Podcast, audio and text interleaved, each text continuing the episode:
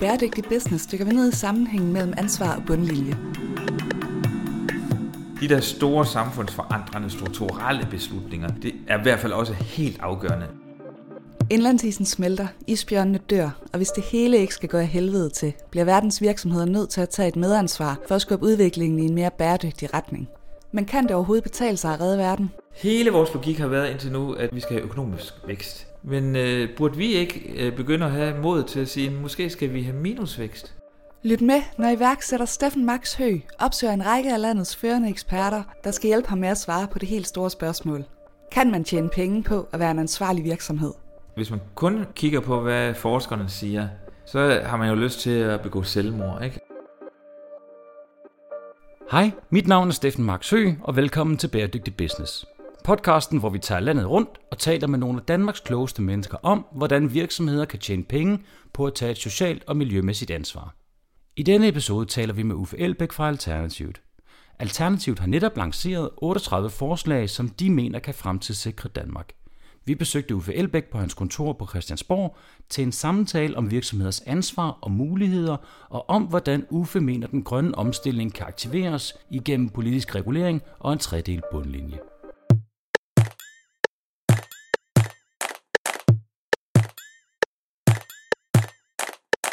Hej Uffe, og tak fordi vi må komme op på dit kontor og se, ikke mindst hvor du arbejder, men i høj grad også dine møbler. Nu er jeg jo møbelnørd, så det er dejligt at komme ind og se, at der er lidt uh, god... Virkelig solid dansk design. Solid. Der er i hvert fald noget design herinde, og så er der noget, der er brugt igennem tiden. Det kan jeg godt lide Jamen, det er jo alt sammen brugt. Det er ret skønt ja. at se.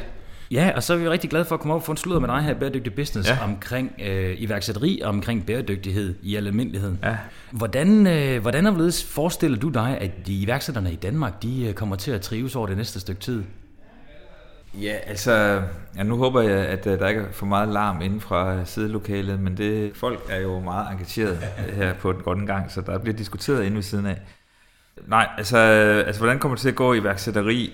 Det er jo et, sådan et 1000 dollars spørgsmål, ikke? Fordi på den ene side, så tror jeg, der er en enorm folkelig respekt for iværksættere faktisk. Altså, at folk synes det er rimelig sejt gået, når folk går efter at starte deres egen virksomhed. Ikke? Det er de nye rockstjerner. Ja, lidt ikke. Øh, men, men hvis man så kigger på, hvor mange gør det så rent faktisk, så ligger Danmark jo stadigvæk og roder rundt øh, meget lavt ned på de der eurobarometre. Altså der er ikke, altså sammenlignet med, med andre europæiske lande, så øh, kan vores iværksætterkultur på alle måder øh, være stærkere. Og derfor, øh, når man så spørger, hvordan gør man så det? Altså, så tror jeg, dels handler det om, at man øh, op igennem uddannelsessystemet, altså folkeskolen og ungdomsuddannelserne og de videregående uddannelser, altså simpelthen får præsenteret det livsvalg som en mulighed at lave deres, at man kan lave sit eget. Øh, og derefter selvfølgelig også øh, giver folk en oplevelse af, hvad det så rent faktisk betyde at, at starte selv. Ikke? Og det kan man jo starte, altså helt ned i de aller yngste klasser i folkeskolen, kan man øh, lave gode projektforløb, hvor øh, de får lov til at producere maden i, i skolekantinen og sælge det og finde ud af, hvordan økonomien hænger sammen. Altså, hvor meget rugbrød kan vi købe, for, og øh, hvor meget skal hver mad koste, og hvad er der så tilbage, når vi har betalt alle udgifter. Det er jo helt banalt købmandskab. Nå jo, men det er det, ikke? Altså, og de fleste børn synes jo, det er mega sjovt, ikke? Altså, så man tager jo ofte den der iværksættergejst ud af øh, vores børn og unge op igennem sådan et skoleforløb. Så jeg tror, der er rigtig meget, der handler om øh, at hvad hedder det, få praktiske projekterfaringer øh, og organisatoriske erfaringer øh, i øh, folkeskolen og ungdomsuddannelserne og videre op igennem de videregående uddannelsessystem. Udover det, så er der også, tror jeg, en, sådan en kulturudfordring, når man snakker iværksætteri, så tænker man øh, på de der succesiværksættere, der har scoret kassen. Men nu er jeg en ældre herre, og jeg har ved Gud prøvet at starte øh, ting op hele mit liv, ikke? Øh, og har faktisk øh, rimelig gode resultater med det. Men det har jo aldrig været pengene, der har været min motivationskraft. Altså det, der har været min motivationskraft, det er at, øh, at skabe en arbejdsplads, jeg selv har lyst til at, at være på, og skabe et fællesskab, hvor vi lavede noget, der gav mening for os alle sammen. Så en masse motivkræfter, som ligger et helt andet sted, som er meget mere meningsborgende, end det der billede, man læser om i børsen og Berlingskes business-sider, hvor det handler om at blive sådan en succes, gazelle succes. Ja, så det er en reduceret opfattelse af, hvad, hvad det egentlig er at være en iværksætter. Lige nøjagtigt, lige nøjagtigt. Og, og, og, og, man skal brede det der billede ud, sådan så man forstår, at der kan være iværksættere, som er sådan business-iværksættere, men der er jo også sociale iværksættere, der er kulturelle iværksættere, der er iværksættere inden for allerede eksisterende organisationer. Så det er hele det der mindset øh, og lyst til at, at, at overhovedet at forestille sig, gud, kan det her ikke være anderledes? Øh, kan vi ikke finde på bedre løsninger? Kan vi ikke finde på bedre idéer? Kan vi ikke organisere os anderledes? Og så den der frihedstrang til at, at sige, jeg laver mit eget altså. Øh, og, og jeg, kan, jeg vil have, hvis der var nogen over mig. Øh, altså, jeg vil bestemme selvagtigt øh, den energi. Ikke? Nu sagde du selv siger social iværksætteri før, og det synes jeg jo er rigtig interessant. Tænker du, at, at bæredygtighed og iværksætteri, det kan kombineres i fremtiden, og det måske ligefrem kan være sådan økonomisk interessant? Ja, selvfølgelig gør jeg det jo. Altså, øh, og, og jeg har hele det store bagtæppe af argumenter, hvorfor at øh, det er vigtigt, udover på et sådan personligt frigørelsesplan, og den der gejst til at lave sin egen virkelighed, ikke? Men vi står jo over for en enorm forandring i samfundet i dag, med en teknologiudvikling, som øh, blæser omkring 800.000 af de jobs, vi kender i dag, vil ikke eksistere inden for 10-20 år. Ikke? Så, så udover at jeg i øvrigt mener, at vi skal arbejde mindre, øh, siger en mand, der arbejder 12 timer hver dag. Nå, men i det hele taget synes jeg, at vi skal dele arbejdet, øh, mere solidarisk, så er der, er der også en opgave i at, at lave nye arbejdspladser. Altså øh, skabe nye jobs øh, med, ud fra, det, fra de behov, der nu engang er i samfundet, øh, og, og hvad der bliver efterspurgt. Ikke? Og der tænker du, at teknologien kunne hjælpe mig måske også? Nej, teknologien er, ja, det kan hjælpe det, men det er også truslen, kan man sige. Ikke? Fordi at teknologien gør, at der er rigtig, rigtig mange af de jobs, vi kender i dag, der simpelthen holder op med at eksistere, fordi at øh, der sker en robotisering. Så hvad gør vi med, at der er 800.000 jobs, der øh, forsvinder inden for en meget, meget kort tidshorisont. Hvad betyder det for samfundet? Hvad betyder det for alle de familier, hvor en af forældrene eventuelt øh, har et job, der forsvinder? Øh, og der øh, for et positivt modsvar på det, det er jo dels, at vi deler det arbejde, der er, lavere arbejdstid, øh, og så det, at øh, vi bliver meget mere entreprenante øh, og laver nye jobs. Øh, on top of that, kan man sige, ikke? så er der hele øh, spørgsmålet omkring øh, bæredygtig udvikling. Så Øh, jeg ser jo gerne, at alle jobs i fremtiden er grønne jobs. Ikke? Altså det vil sige, at øh, alle nye virksomheder øh, ikke bare måler sig selv på en økonomisk bundlinje, men også på en social og en grøn bundlinje. Ikke? Og hvordan kommer og, vi derhen af? Jo, det sker allerede heldigvis. altså, der er jo en lang række af, af små og større, mellemstore virksomheder, der i dag arbejder i den retning. Altså, og endda nogle af de helt store, som øh, tager sådan noget som Novo Nordisk, altså det var jo faktisk den første af de sådan rigtig etablerede store virksomheder, der, der sagde, at vi arbejder med tre bundlinjer, ikke? Ja. Øh, og vi kender det ude i den store verden med Body Shop tilbage i 90'erne, som også introducerede øh, det der three bottom line thinking, ikke? Men i dag, øh, synes jeg, når jeg snakker med gode folk og sådan noget, øh, som jeg ved øh, arbejder i den retning, altså det, det vil brede sig, og der vil, øh, det, det er ikke sådan noget, der sker fra den ene dag til den anden. Altså det, det er, øh, du skal ændre folks forståelse af, hvad betyder det at have en bæredygtig forretningsplan. Og for 20 år siden, så ville en, kun en meget, meget marginal gruppe iværksætter overhovedet overveje det grønne. På det tidspunkt, der kunne man godt snakke om social innovation, ikke? Så ja, vi skal huske, at vi har et samfundsmæssigt ansvar, altså et socialt ansvar. Det er først inden for de sidste 10 år, synes jeg, virkelig for alvor øh, blandt iværksættere, at man begynder at snakke om grønne iværksættere, og begynder at snakke om tre bundlinjer og sådan noget. Ikke? Så, så vi, vi er i starten af kogen. Ja, og man kan sige, man har jo set rigtig meget, at store virksomheder har taget ansvar i lokalområdet, som for eksempel Lina, Grundfos og andre store virksomheder, som ligger i lokalområdet og ansætter rigtig mange folk. Men det her med, at man arbejder strategisk med at putte miljø og putte socialt ansvar ind i sin forretningsmodel, det, det er da relativt nyt. Sådan, som ja, jamen det er det da også. Og, altså, nu kom vi faktisk ud med en stor rapport øh, fra Alternativet øh, for tre kvart år siden om de tre bundlinjer. Ikke?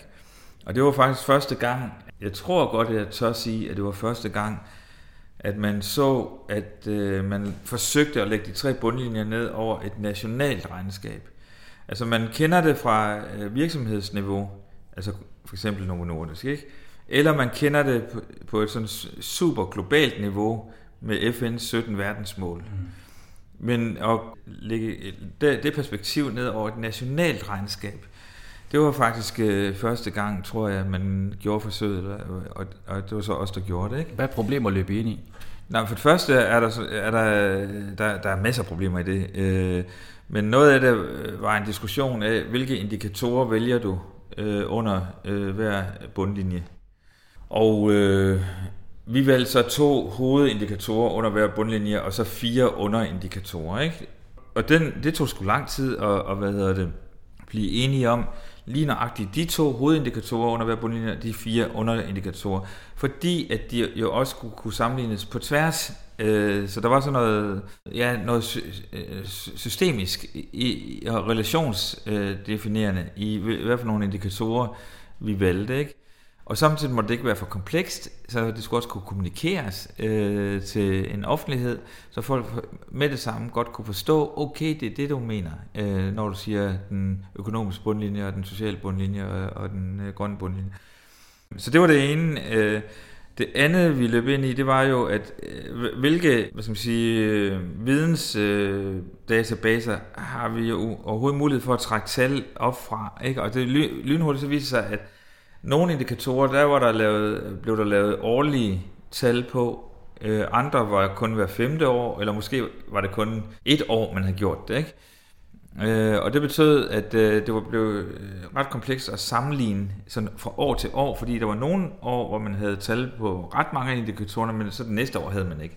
Og det hele ideen lå jo i, om man kunne lave et øh, regnskab, et nationalt regnskab, som gav meget dybere mening i at forstå, om Danmark bevæger sig i en bæredygtig retning eller ej, øh, og ikke bare et, øh, sådan et tal, der er BNP, ikke? Øh, men at man faktisk kunne ja, som sige, entydigt kigger på økonomien. Ja, ja som er meget sådan entydigt, og så er der en masse ting, de udlader, ikke? Men bliver meget sådan, hvad, hvad, bliver der, hvad er der blevet produceret? Hvad er der solgt, og hvad er der købt, ikke? Men det siger jo ikke en disse om, om danskerne bliver mere lykkelige, eller om biodiversiteten øh, er steget. Det er et meget, meget entydigt tal, ikke? Nej, og det siger jo heller ikke noget i forhold til hele miljødelen, hvis man kigger på CO2-udledninger og de andre ting, som, som jo også er et ret stort problem. Og det var for eksempel, altså, de to hovedindikatorer på for eksempel den grønne, det var for eksempel biodiversitet og så CO2-udledning, ikke?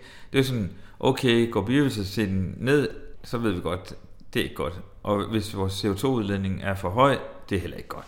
Så der var sådan nogle, og sådan havde man sådan på, på hver bundlinje øh, sådan nogle hovedindikatorer, som lynhurtigt sagde, øh, i hvilken retning øh, bevæger Danmark sig.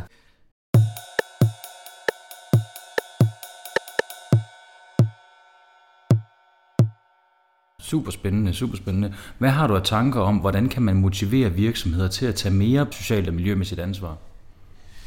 Ja, altså, man kan jo motivere dem hvis, hvis nu Alternativet havde 90 mandater. Det er altid spændende. Det er jo altid rart, ikke? At, at, at tænke den, det scenarie, den mulighed, ikke? Så, så ville man jo givetvis lave en skattepolitik, øh, som gjorde, at øh, de virksomheder, som tog et socialt ansvar, eller som tog et, øh, et øh, bæredygtigt, miljømæssigt, klimamæssigt øh, ansvar, jamen de skulle betale mindre i selskabsskat, for eksempel eller de virksomheder, som øh, tager flere lærlinge ind, skulle betale mindre i selskabsskat. Eller hvad, hvad man nu kan forestille sig. Altså man kan gå ind rammemæssigt og regulere, hvordan er det, vi driver forretning i Danmark? Hvad er det for en type forretningskultur, øh, vi gerne vil have? Hvad, hvad ser vi gerne fremmed, og hvad ser vi gerne begrænset? Man kan også sige, at øh, måske skal der ikke være moms på økologiske øh, madvarer. Øh, øh, øh, og så videre. Altså, du kan sagtens lægge nogle motivfremmende øh, sådan meget kontante elementer ind øh, i den måde, vi organiserer vores samfund på. Så du vil ikke være bleg for at regulere i forhold til lovgivningen på, at der kan være nogle fordele, hvis Ej, det var, for man... pokker, man. Altså, jeg vil hellere end gerne øh, regulere lovgivningen. Der bliver jo reguleret allerede i dag, jo. Altså, når man... Øh, øh, siger, at selskabsskatten øh, skal være mindre. Den er faldet næsten øh, 12 procent øh, inden for øh, forholdsvis få år. Ikke? Altså, så er vi nu nede på 22 procent, tror jeg det er. En gang var vi på 32, ikke? Det er jo sådan et race towards the bottom, som man formulerer det her inde på Christiansborg. Ikke? Det er, at alle lande konkurrerer med, hvem der har den laveste selskabsskat. Ikke? Og, og der, altså, man, så det foregår allerede, man lovgiver, fordi man ønsker et bestemt økonomisk klima, ikke? Øh, og en bestemt måde at drive forretning på.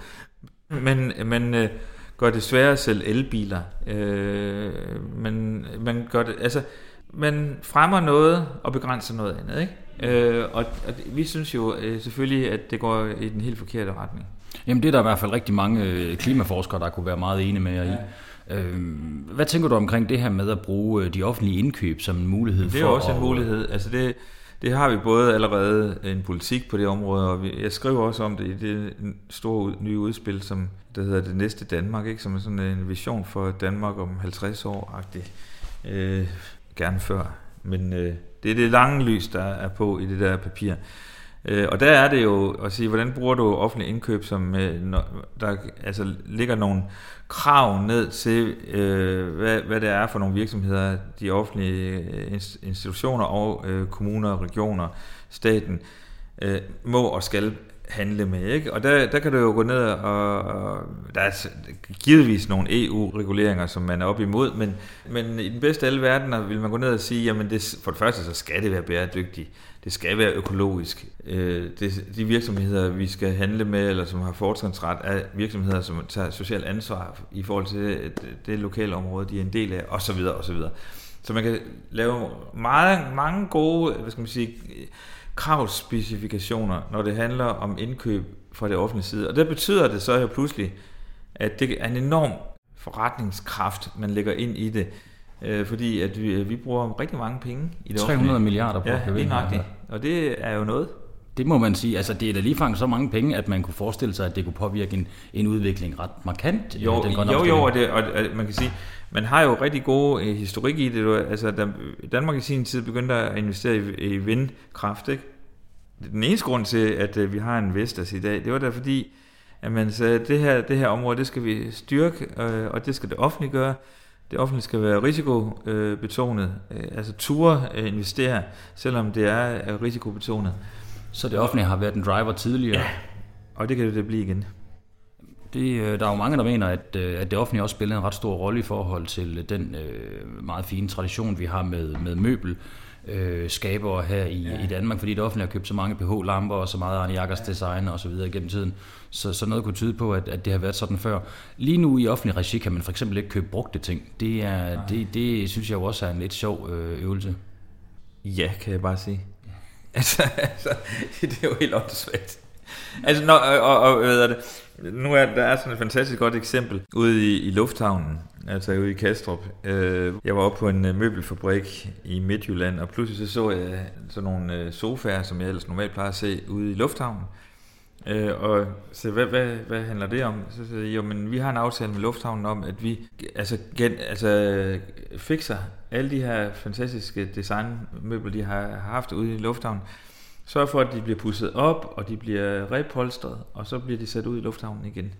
Så der er et enormt flot eksempel på, at øh, en stor, stor øh, institution som øh, Københavns Lufthavn faktisk har, har sagt, øh, vi skal ikke bare købe nye møbler, de møbler, vi har, de skal sendes over på den her møbelfabrik, og så skal de øh, igennem en proces, hvor de lige bliver shined op øh, og får nye, øh, ny polstring, og så skal de tilbage til Københavns Lufthavn. Og, det, og nu går jeg derude, og så kan gud ja, den der sofa, den er, den er blevet øh, recyclet op af, ikke? Jo, det er en meget sjov tanke, kan man sige. Øh, de er jo også lige kommet ud med et rigtig fint CSR-regnskab, men der er vel også noget praktisk smart, eller noget rigtig økonomisk fornuftigt i, at der så bliver, når ting bliver sat i stand, så bliver der lavet lokale arbejdspladser. Ja, ja, det er det jo. Det er jo og i det hele taget, så synes jeg, øh, det er en helt anden diskussion.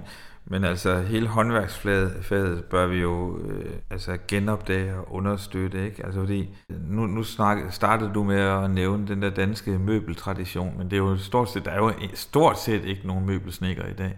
De er jo stort set ikke til at opdrive. Så, så, så der er hele, hele det område, der handler om, hvordan øh, genskaber vi respekten for øh, det gode håndværk. Ikke? Øh, og det, det kan man jo blandt andet ved, når man så går ind øh, og siger, men hvorfor genbruger vi ikke meget mere? Hvorfor øh, opkvalificere, jeg ved ikke, hvad det hedder i, i det her sprog, men opklassificere brugte møbler til at blive nye igen, ikke? Jo, det, det synes jeg, der giver rigtig god mening, og det sjove er jo også, at apropos øh, indkøbsaftaler og det offentlige, som vi lige talte om, det er jo, at når man bliver ved med at efterspørge noget, der er billigt, så får man jo møbler af en dårlig kvalitet, når man køber det. Ja, jamen det er det, der er fuldstændig sygt jo. Altså, og det, er jo det går jo sygt hurtigt. Ja. ja, jamen det er helt sygt, altså. Øh, og altså, der har været, været den der øh, periode igennem de sidste 10-20 år, hvor øh, kommunerne kun måtte vælge øh, underleverandør ud fra, hvem der kunne lave det billigst, ikke? Og så ender det alligevel med, at det bliver hammerdyrt, fordi at det er dårlig kvalitet, og så går det hurtigt i stykker, og så videre. Altså man kender hele møllen, ikke? Og, og, og der er der en politisk kampplads, kan man sige, i forhold til at ændre kriterierne for indkøb, øh, hvor man lægger nogle andre kriterier ind, som ikke bare handler om at være de billigste. Og, der, og det gælder altså på så mange områder øh, i samfundet, at man har haft det der med, at man kun fokuserer på den ene bundlinje, nemlig den økonomiske bundlinje, og ikke laver koblingen til det sociale, eksempelvis med lokale arbejdspladser, eller det miljømæssige, om det er ordentlige materialer. Nu kan man vel godt tillade sig at kalde Alternativet et af de mere grønne partier øh, på Christiansborg. Det må du gerne. Du må også godt sige, at vi er det grønneste. Ja, men det, det vil jeg nedgøre mig til dommer over for, men noget kunne i hvert fald tyde på det. Hvordan, øh, hvordan sådan helt personligt, når det er, at I går meget op i, øh, I går rigtig meget op i miljøet, og ja. der er unægteligt rigtig mange klimaforskere, der mener, at, at planeten er decideret ved at, at uddø, for ja. at, at bruge et lidt voldsomt udtryk. Hvordan tager den man dør. det med på arbejde? Altså, den, er, den er ved at dø. Hvordan er det at rende rundt på gangene i, øh, Jamen, det i Christiansborg er, det er, med så altså, lidt gehør for det? Altså, hvis du har lavet det her interview for et halvt år siden, så ville jeg nok have været endnu mere skeptisk eller pessimistisk, end jeg er i dag. Det interessante lige nu, og det her interview for jer, der lytter på det her program, finder sted i maj måned 2018. Øh, og øh, det interessante er lige nu, at øh, der, hvor jeg før snakkede om race to the bottom, øh, på sådan noget med øh, selskabsskat og sådan noget, så er der faktisk en meget unik situation lige nu, race to the top, når det handler om, hvem der gerne vil være det mest grønne parti. Det var også derfor, jeg jokede med at sige, at Alternativet er det grønneste. Fordi der er rigtig mange, der byder sig ind lige nu og synes, at det grønne er rigtig, rigtig vigtigt. Og det er fra, set fra Alternativets side jo øh, kun godt. Altså, vi hæber hver eneste gang, nogle af vores kollegaer fra de andre partier går ud med et grønt øh, udspil og sådan noget. Selv øh, Venstre har nu øh, ændret logofarve øh, fra blå til grøn, øh, og siger, at de er sandelig også et grønt parti. Og øh, hver eneste lille skridt er godt, øh, kan man sige. Spørgsmålet om, det er godt nok. Øh, altså, det er ikke længere et spørgsmål, om man gør noget. Spørgsmålet er, gør man nok? Og, øh, er det et men, ny paradigme? Ja, det, det synes jeg, fordi at, øh, altså, nu var der en stor forsidehistorie på politikken i sidste uge, hvor 301 forskere siger, at det er last øh, udkald, det her. Ikke? Øh, og og der, altså, der er slet, slet ikke nok, nok politisk øh, handlingskraft i forhold til, hvor alvorlig situationen er. Ikke? Og, altså, jeg, jeg må bare leve i sådan en øh, følelsesmæssig skizofreni, øh, når jeg er, er, er politiker herinde på Christiansborg og, og almindeligt borger. Ikke? Altså, jeg bliver nødt til at tro på, at vi som civilisation nok skal finde ud af det. Fordi, hvad er alternativet, han har sagt? Altså, altså når jeg tænker på mine børn, det, de skal nok klare sig, men hvad med mine børnebørn? Og hvad med mine oldebørn? Altså, hvad er det for en verden, der bliver deres, ikke? Og det er faktisk, hvis man kun kigger på, hvad forskerne siger, så har man jo lyst til at begå selvmord, ikke? Altså, for at være helt ærlig, ikke? Altså, det er jo... Det er, jo, det er et dystert billede, det der bliver tegnet. Det er meget, meget, meget dystert billede, det der tegner sig, og tingene går, selv for forskerne, alt, alt for hurtigt i den forkerte retning. Altså, hver eneste, nærmest hver eneste måned bliver de nødt til at justere på deres øh, øh, modeller. Fordi at øh, selv de vær, værst tænkelige scenarier er ikke længere nok til at beskrive, hvor hurtigt det går. Og, og altså, det betyder jo ikke, at, at situationen, der ikke, der ikke vil være mennesker om 200 år, det tror jeg helt sikker på, der vil, men, men hvis vi ikke finder ud af sammen og, og stabilisere det på et eller andet niveau meget snart, så vil vi bare se det, som vi har set igennem alle civilisationssammenbrud, at det, dem, det kommer til at gå ud over, det er de fattige og nederst i pyramiden. Og dem, der nok skal klare det på en eller anden måde, det er de rigeste. Ikke? Og det kan vi jo se, at det er også det, der er billedet i dag globalt, det er, at det er jo de fattige lande, som øh, mærker klimaforandringerne. Og, og os, der så sidder i København og i Danmark og i Skandinavien, altså folk siger, nej, hvor er det dejligt, vi har 28 grader ude, og vi har, i går havde vi den varmeste majdag i 105 år, ikke? What's not to like? Altså, jeg synes, det der var en fest, altså, i går, ikke? Jeg elskede det. Problemet er bare, at det er udtryk for, at der er noget, der er fuldstændig rivende, rappelende galt. Og, og det betyder bare, at øh, de øh, både økonomiske og sociale øh, konflikter, som øh, klimakrisen føder i kraft af kamp om ressourcer, eller store menneskemængder, der bliver nødt til at forlade det sted, hvor de har boet igennem generationer, på grund af enten tørke eller på grund af oversvømmelser. Altså, det, de, de er bare konstant stigende. Og det er også derfor, at Alternativet øh, sådan har kommenteret de der øh, flygtninge udfordringer, vi har i dag, hvor vi siger, at vi har kun set toppen af dem. Altså, øh, FN-organisationer, de anslår, at omkring halvdelen af alle flygtninge i dag er klimaflygtninge. Altså det handler ikke om øh, traditionelle krige mellem nationer. Nej, det er simpelthen klimaflygtninge. De bliver, deres verden forsvinder. Øh, og hvor skal de så hen? Jamen så forsøger de desperat at komme over, over Middelhavet til noget, som ikke er så varmt eller så vådt.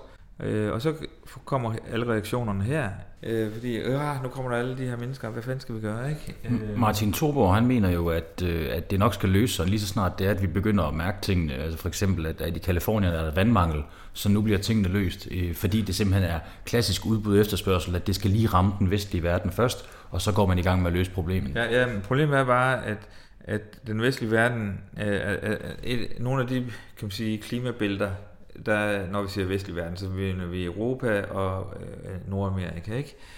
Øh, at vi ligger på nogle øh, klimabælter, hvor klimakonsekvenserne i hvert fald bliver forsinket. Ja, de rammer os senere. Ja, nemlig ikke. Øh, og så er spørgsmålet, om, om vi så er i stand til at reagere hurtigt nok. Altså, Ja, fordi så er det så fremskyden på det tidspunkt. Ja, og, og, og altså, nu har vi en fuldstændig kugle, skør amerikansk præsident, ikke? altså Trump, og, øh, øh, og det der er, nå, jamen, men, men det der er jo, øh, det, det kunne man så bare grine af, og han har god underholdningsværdi, og man bliver nødt til at se hans daglige tweets for at have, få det der Trump-kick, ikke også? Men øh, det der er jo er, er problemet med Trump og hans regering, det er jo de interesser, der ligger bag ved øh, Trump, og det er jo de sorte industrier, det er jo olieselskaberne.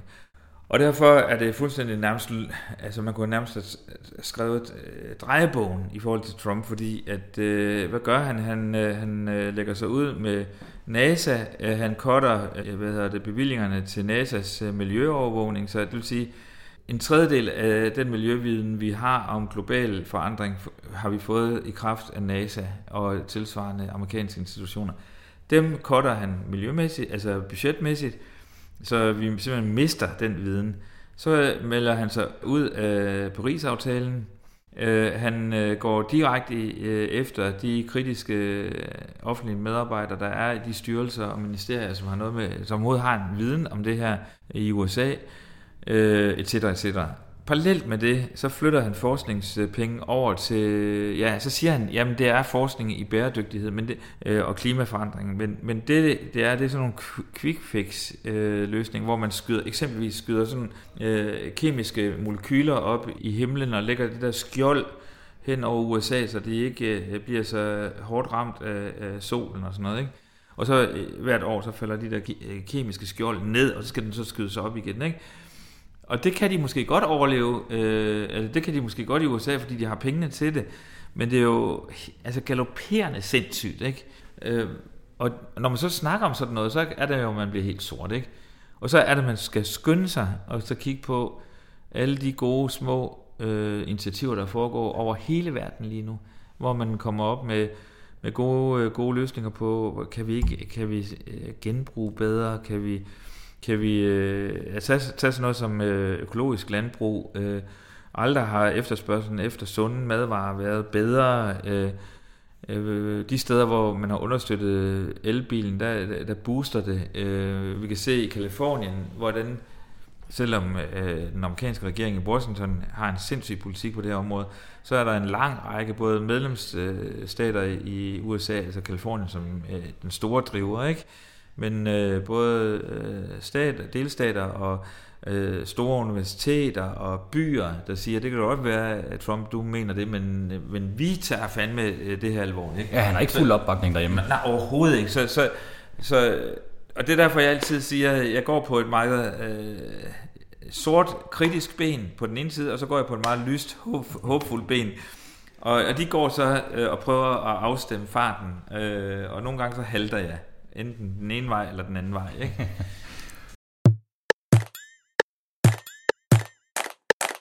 Kunne man ikke øh, forestille sig, at, øh, at den gode Martin Thorborg har en, en vis pointe i det her med, at virksomhederne og markedskræfterne kunne regulere det, hvis det bare var, at man...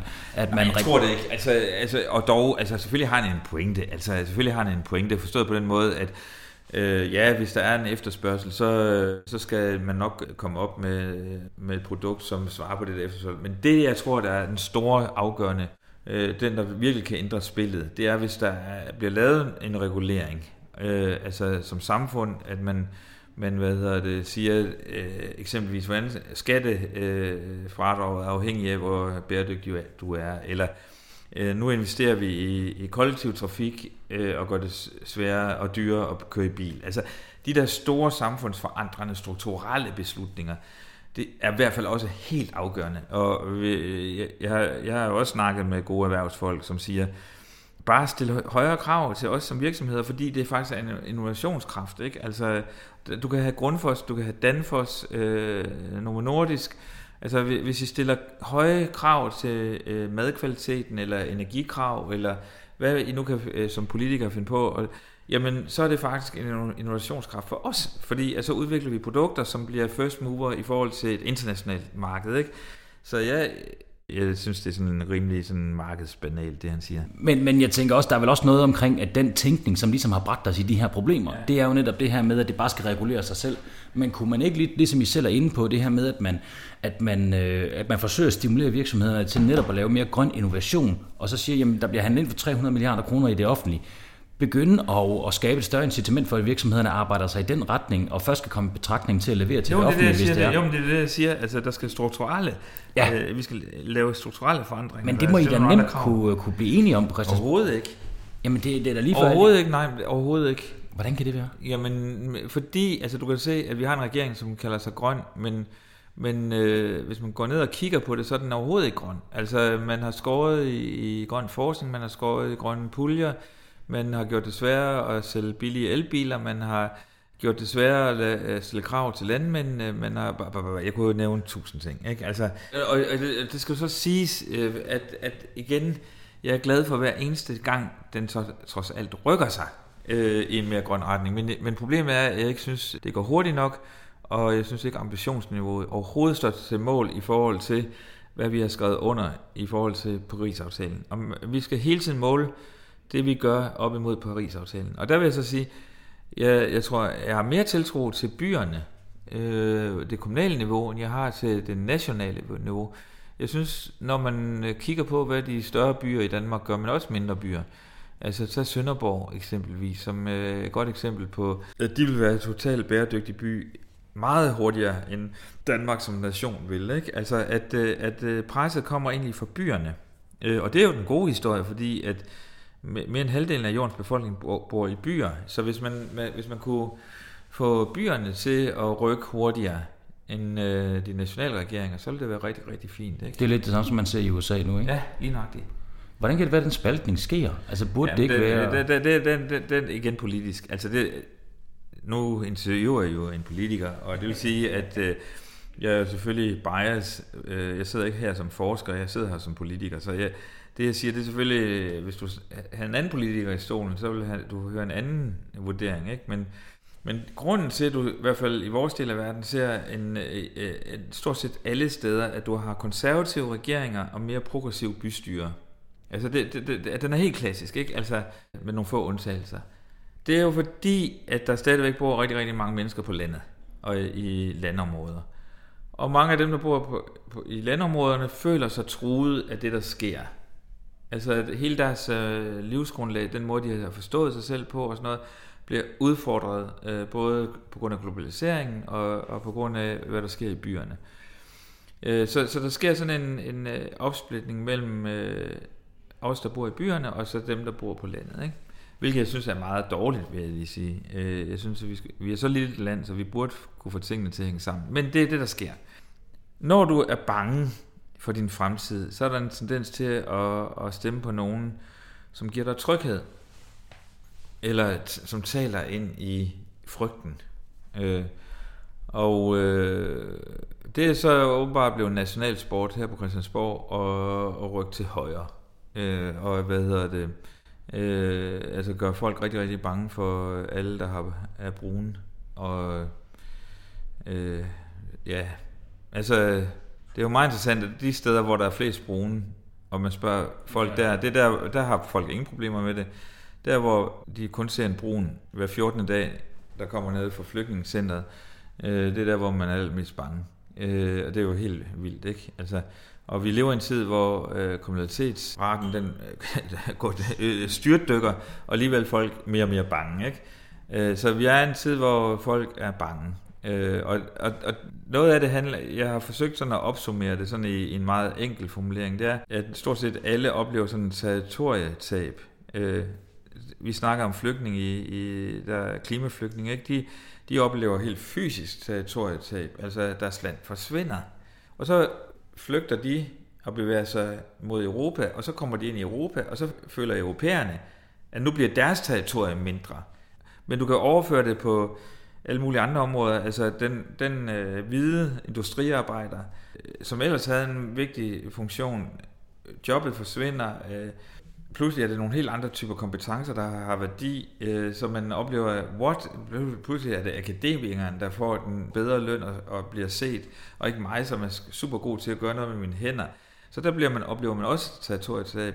Det kan også være territorietab mellem manden, den sådan traditionelle mand, og pludselig øh, så er der mange flere kvinder, der, der er meget mere veluddannede end, øh, end manden, og så er det pludselig kvinderne, der erobrer territorier. Eller, eller nu så pludselig, nu kommer der en masse farvede, som erobrer vores tal. Så jeg tror, der er sådan et, på sådan et dybde psykologisk niveau, er der en oplevelse af tab, af territorier. Øh, og det hænger, hænger jo selvfølgelig sammen med, at verden jo hænger sammen, og den er et lukket system. Og hvor vi i gamle dage kunne sige, jamen vi kunne rejse øh, grænsen op og alt muligt. Jamen ulvene kommer her ind alligevel, eller vildsvinet kommer alligevel ind, uagtet hvor mange hegn, fordi så kan de ved Gud svømme hen over. Altså, så, så du kan ikke, altså vi er afhængige af hinanden. Og, der, øh, og, og hvis vi endelig, jeg ved godt, at vi blev lidt højtravet her nu på det sidste, ikke? Men altså på samme måde som vi skal finde ud af, at den økonomiske bundlinje hænger sammen med den sociale og den grønne bundlinje, så hænger vi alle sammen sammen. Og det, der påvirker dig, kommer til at påvirke mig. Og derfor skal vi finde ud af, hvordan pokker laver vi nogle meget mere fælles spilleregler for, hvordan vi lever på den her lille skrøbelige planet, som lige nu er ved at dø.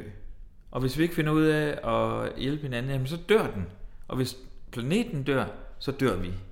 Og derfor noget, som vi slet ikke har været inde på endnu, det er jo, at øh, jamen, øh, altså, hvilken type vir, altså, virksomheder skal vi overhovedet have, hvis vi skal producere mindre og forbruge mindre?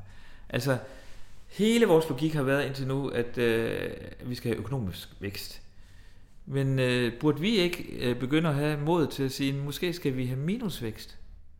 Altså, vi skal rent faktisk forbruge mindre. Og hvad betyder det? Jamen altså, Øh, økonomisk, og hvad betyder det i forhold til virksomheder, hvad betyder det i forhold til arbejdspladser? Øh, altså, øh, og jeg har ikke svaret, men, men, men jeg kan godt se, at jeg snart bliver nødt til at forholde mig til det, øh, og turde sige, hey, Uffe Elbæk, selvom du får en invitation fra et super spændende oplæg i Japan, så kan du bare ikke tage imod det. Fordi det betyder, at så skal du, altså du har ikke flere klip i din flyrate i år. Du har fløjet de to ture, du overhovedet må fly. Det er dejligt befriende at tale med en politiker, som siger, at han ikke har svarene. Fordi at det der er en dejlig ærlig udmelding, for der er jo ikke nogen, der har svarene omkring, hvordan vi løser det her nu. Men et spørgsmål om vilje, det har du da i hvert fald. Hvordan... Øh, jeg synes også, det er svært. Fordi jeg vil jo gerne til Japan. Ja, det kan jeg da godt forstå. Øh, og, og, jeg, og jeg vil jo gerne... Øh, og jeg, altså, jeg, jeg stod med det... Nu, nu, nu har vi sådan en regel her på Alternativet, at vi, vi øh, køber aflad, ikke? Så hver gang vi flyver, så, så skal jeg øh, give en CO2 afgift, ikke? Altså vi har jo også foreslået, at øh, der skulle være CO2-afgifter på, på alle flyafgange i det hele taget. Men nu, nu går vi i hvert fald forrest, og så øh, har vi sådan noget med, at vi skal... Øh, så jeg, jeg, jeg køber den ene kvadratmeter øh, af verdens skove efter den anden, øh, for øh, trods alt at følge, jeg har moralen i orden. Men, men det er jo nok ikke nok. Altså, øh, og, og, og vil jeg virkelig afgive min flytur til Japan, som jeg helt vildt gerne vil over til. Jeg vil rigtig gerne over, fordi jeg skal over og lave et projekt, men skal jeg faktisk sige nej? Og lige sådan, øh, jeg sad sammen hjemme med kæresten, og øh, nu skal vi til Bretagne i juli, og vi vil øh, kunne komme derned på ja, tre timer eller sådan noget, hvis vi fløj. Og det tager i hvert fald tre døgn, hvis vi skal hvad hedder det, i tog. Vil vi prioritere at tage med tog, når vi kun har de der to og en halv uges, øh, eller tre uger sommerferie? Nu endte det så med, at det gør vi. Men det er et kæmpe dilemma, fordi at, at øh, det er meget menneskeligt, at øh, vi, hey, vi har nogle behov, og vi, vi er nysgerrige, og vi vil gerne opleve, og pludselig begynder verden at, at sige, nej, du kan ikke få lov til at opleve det her. Men det er jo her, at den bæredygtige innovation er rigtig interessant, og det er jo fordi, der ikke er nogen, der har skabt de her produkter endnu. Hvis der var nogen, der har skabt en togtur, som der har gjort, at din kæreste der ikke kunne komme ja, afsted til ja. Britannia på en oplevelsestur, hvor det var, I rejst i tre dage og fik ja, noget ja, ud af de tre ja, det er rigtigt. Så havde man Jamen, jo... der er der et kæmpe marked for det. Jeg tror, jeg tror da også, at men det, der øh, skal være Danmarks erhvervspolitik øh, øh, i den grad fremadrettet, det er jo, at vi skal skabe løsningerne på de problemer, verden har. Og det her, det var et meget konstant problem, ikke? Så hvem har løsningen? Der skulle der jo være en værksætter, der sagde, Wop! jeg sørger for, at vi, hvis du gerne vil til rundt i Europa, så har vi elbusser. Og der er super, det er super nice, og øh, øh, højt niveau, og holder vi ind her, og øh, så overnatter vi her, det er en super god oplevelse, og så videre, så videre. Eller at øh, flyselskaberne virkelig går i gang med at lave elfly, øh, altså i hvert fald indrigs elfly og sådan noget, ikke? Øh, men også gerne så hurtigt som muligt, også øh, på længere distancer. Inden vi runder helt af, nu har vi også taget en masse af din tid, øh, apropos det her med vækst, som vi lige talte om ja. før, så er, er minusvækst jo selvfølgelig en, en meget speciel tanke i, i forhold til at det her vækstparadigme, vi har haft i rigtig lang tid, hvor vi skal blive større og større hele tiden. Men ja. tror du, at vi kan spare os ud af de her problemer, som vi har bragt os selv i, i forhold til Nej, nej, jeg tror da, at vi skal absolut øh, altså, vi skal bruge penge på det. Øh, men det betyder så, at der er nogle andre, der ikke Men skal er virksomhederne så ikke netop centrale i forhold til, at vi skal have motiveret dem? Jo, jo, jo, jo. Og jeg synes også, at der er mange virksomheder, der gerne vil. De har stadigvæk bare det, at de skal leve inden for en bestemt økonomisk logik. Og altså jeg plejer at, at bruge det der billede. Kan, kunne man overføre den der vækstforståelse, som vi jo har af mennesker? Altså, vi starter som nogle meget små nogen. Så lærer vi at, at kravle og gå, og vi har et sprog, og vi begynder at løbe, og bla bla bla bla. Vi vokser, og så vokser vi til en vis højde, når vi sådan kommer omkring 20 års alderen, ikke? Og så heldig, altså, der er jo ingen af os, der har det sådan, nej, vi skal blive ved med at vokse. Altså, ville du jo synes, det var en sygdom, hvis vi begyndte at blive ved med at vokse, ikke? Nej, nej, så langt må du vokse. Og så må du ikke vokse mere. Fordi hvis du vokser mere, så er det fordi, dine gener er ude af balance. Så er der et eller andet galt, ikke? Men sådan har man det ikke, når man snakker business. Der har man sådan, at vi skal, jo større, jo bedre jo mere marked vi kan erobre, jo bedre og mere øh, succesfulde er vi, ikke? Og hvordan, hvordan pokker får vi en mere organisk, naturlig forståelse af, at en virksomhed skal nødvendigvis ikke have verdensherredømmet, som Facebook og Google og Amazon og you name it. Men der er faktisk begrænsning for, hvor store vi må være. Og det har man jo tidligere jo også diskuteret med monopoldannelser. Så, så selvfølgelig kan man sige, så hertil, det er der, hvor du kan vokse inden for rammen af, hvordan vi tænker økonomi i vores samfund. Så, må, så stor må du blive. Til gengæld må du blive fantastisk dygtig, og du må udvikle dig alt det, du vil, men det er inden for rammen af det her. Altså, jeg tror, vi bliver nødt til at lave, øh, begynde at bruge nogle billeder, der gør, at folk pludselig tænker, gud, ja, det skulle da rigtigt. Det, der jo for eksempel er kendetegnet af kræft, det er jo, at celler bare deler sig og bliver ved med at dele, og ikke stopper. Så øh, for øh, sådan at, at, at slutte på en meget dramatisk øh, tone eller note, altså så kan man sige, at vi har en, en kraftøkonomi. Altså øh, en økonomi, som ikke kender sin begrænsning, og som æder, og æder alt det sunde op. Og derfor snakker vi jo også meget om i, i Alternativet, at, at, at der skal udvikles en anden økonomisk forståelse efter den udgave af kapitalismen, vi kender i dag. Og i og med, at vi ikke er et socialistisk parti, så altså, hvis du har spurgt enhedslisten, så vil de sige, at det er socialisme. Altså, vi er fuldstændig ligeglade med, øh, hvad navn vi giver den her nye økonomi. Øh, fred med det. Men, men vi ved, hvad der skal være kendetegn ved den her økonomi. Og det er, at der skal stå plus på alle tre bundlinjer. Øh, og det må være definitionen af den her nye økonomi. Altså, det, øh, altså der skal stå plus på alle tre bundlinjer. Og så skal der, vi finde ud af, at det skal være en økonomi, som øh, altså ikke æder andres muligheder op. Og derfor bliver vi også nødt til at sætte nogle helt klare grænser for, altså, hvor meget må du øh, vokse, og hvor meget må du ikke vokse. Øh, men det, det er totalt ukendt territorie, vi bevæger os ind i. Øh, og, og derfor øh, er det jo kun glædeligt, at der er så mange, der lige nu diskuterer øh, økonomi på en, med, med nogle helt nye stemmer, om det er opgøret med Finansministeriets øh, regnemodeller, eller det er New Economic øh, Forum i London, der siger, at vi skal øh, deres bud på en ny økonomisk tænkning, eller i det her tilfælde øh, vores rapport fra sidste år, der handler om de tre bundlinjer. Der er rigtig mange lige nu, der prøver at sige, hvordan, hvordan kan vi... Øh, Tim Jackson er jo også en fantastisk økonom, som siger, uh, prosperity without growth. Altså, hvordan kan vi skabe øh, altså, øh, livskvalitet, uden at vi skal vokse øh, økonomisk, ikke? Uh, det er en enormt spændende dagsorden, men det er også en enormt pokker svær dagsorden, for den er fyldt med dilemmaer, og det er ukendt territorie. Og vi bliver bare nødt til at hjælpe hinanden med at komme igennem det der territorie, og så lave kortet, mens vi går. Mange tak, fordi vi måtte komme forbi, Uffe, og øh, med de fine ord til at afslutte, der, øh, der er der ikke rigtig andet at sige, end at det er rigtig rart, at der er nogen, der tager bladet for munden og ligesom taler om de her ting, der foregår lige nu. Ja. Tusind tak, fordi vi måtte komme forbi, og have en rigtig god dag. Tak skal du have. Ingen tvivl om, at Uffe Elbæk mener, at den grønne omstilling er nødvendig, og tiden den er knap. Alternativet er altså ikke blege for at bruge de offentlige indkøb til at fremme den grønne omstilling og have lempelige regler for de virksomheder, der tager ansvar. Har du lyst til at høre mere til Alternativets 38 idéer til et fremtidssikret Danmark, så har vi lagt et link til dig i episodebeskrivelsen. Mange tak, fordi du lyttede til Bæredygtig Business. Mit navn er Steffen Max Høgh, og jeg håber, vi lyttes ved.